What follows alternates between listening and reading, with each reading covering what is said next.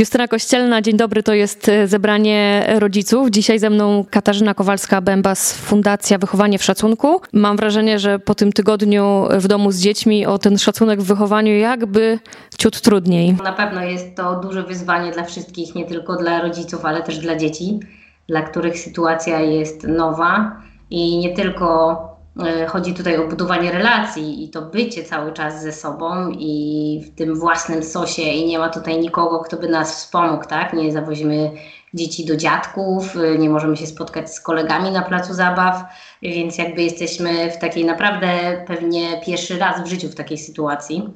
Zaczęłyśmy się nawet z dziewczynami z fundacji zastanawiać, czy powinniśmy zrobić um, jakieś webinary pod tytułem Jak dalej wychowywać dzieci w szacunku. Tak, koniecznie, poprosimy. Ja mam wrażenie, ty mówisz o webinarach różnych, o różnych zajęciach, o propozycjach. Y, mam wrażenie, że dla wielu z rodziców to nie jest budujące. Znaczy właśnie jest za dużo nawet tego, nie mamy czasu nawet wybrać, bo wielu z nas pracuje też zdalnie. Jest to na pewno trudne. Ja też staram się łączyć pracę z tym, że jestem z dziećmi y, cały dzień. Mój mąż normalnie pracuje, więc y, jestem z nimi sama. Ale jakby staram się doceniać takie małe rzeczy, których normalnie nie mamy, czyli na przykład to, że możemy wstawać wtedy, kiedy chcemy, mimo że moje dzieci nie, nie śpią raczej długo, tylko tak wstają w okolicach siódmej to, to, to, staram się to doceniać, że nie mamy takiego pośpiechu codziennego i, i, takiej ganianiny. Ale oczywiście to też nie jest tak, że mnie moje dzieci nie denerwują, bo ja się po prostu też wkurzam, szczególnie kiedy się okazuje, że muszę coś na szybko zrobić, że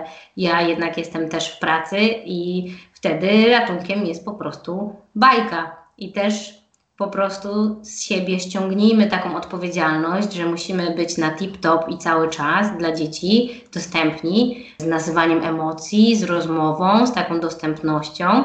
Tylko też weźmy sobie poprawkę na to, że oprócz tego, że jesteśmy z, z, dziećmi, tak, czyli robimy takie rzeczy co normalnie, czyli bawimy się, rozmawiamy, szykujemy posiłki, do tego pewnie jeszcze musimy ogarnąć dom, do tego jeszcze ogarniamy pracę i do tego jeszcze ogarniamy lekcje. Tak, to jest dwa albo trzy razy więcej niż, niż normalnie, mam wrażenie. No tak mi się wydaje, więc też weźmy pod uwagę, że mimo, że nie jesteśmy może zmęczeni tak jak w, w momencie zwykłego tygodnia pracy, czyli tym jeżdżeniem, byciem w pracy, wracaniem, to i tak jesteśmy e, bardzo zmęczeni, bo mamy bardzo dużo bodźców dalej, tak? Jakbyśmy byli na wakacjach all inclusive i sobie po prostu z dziećmi mogli tylko się bawić, no to pewnie wyglądałoby to trochę inaczej. Jak jesteśmy na wakacjach, to jest inaczej. Mamy, mamy po prostu czas tylko dla nich. No i można wyjść. I można wyjść. No, ja też polecam, żeby wyjść w sensie do jakiegoś, do ogrodu, albo do lasu, albo gdzieś, gdzie mamy jakąkolwiek możliwość, żeby oczywiście zaczerpnąć tego świeżego powietrza i też pozwolić im na jakiś ruch. Ty prowadzisz zajęcia z jogi, z uważności dla dzieci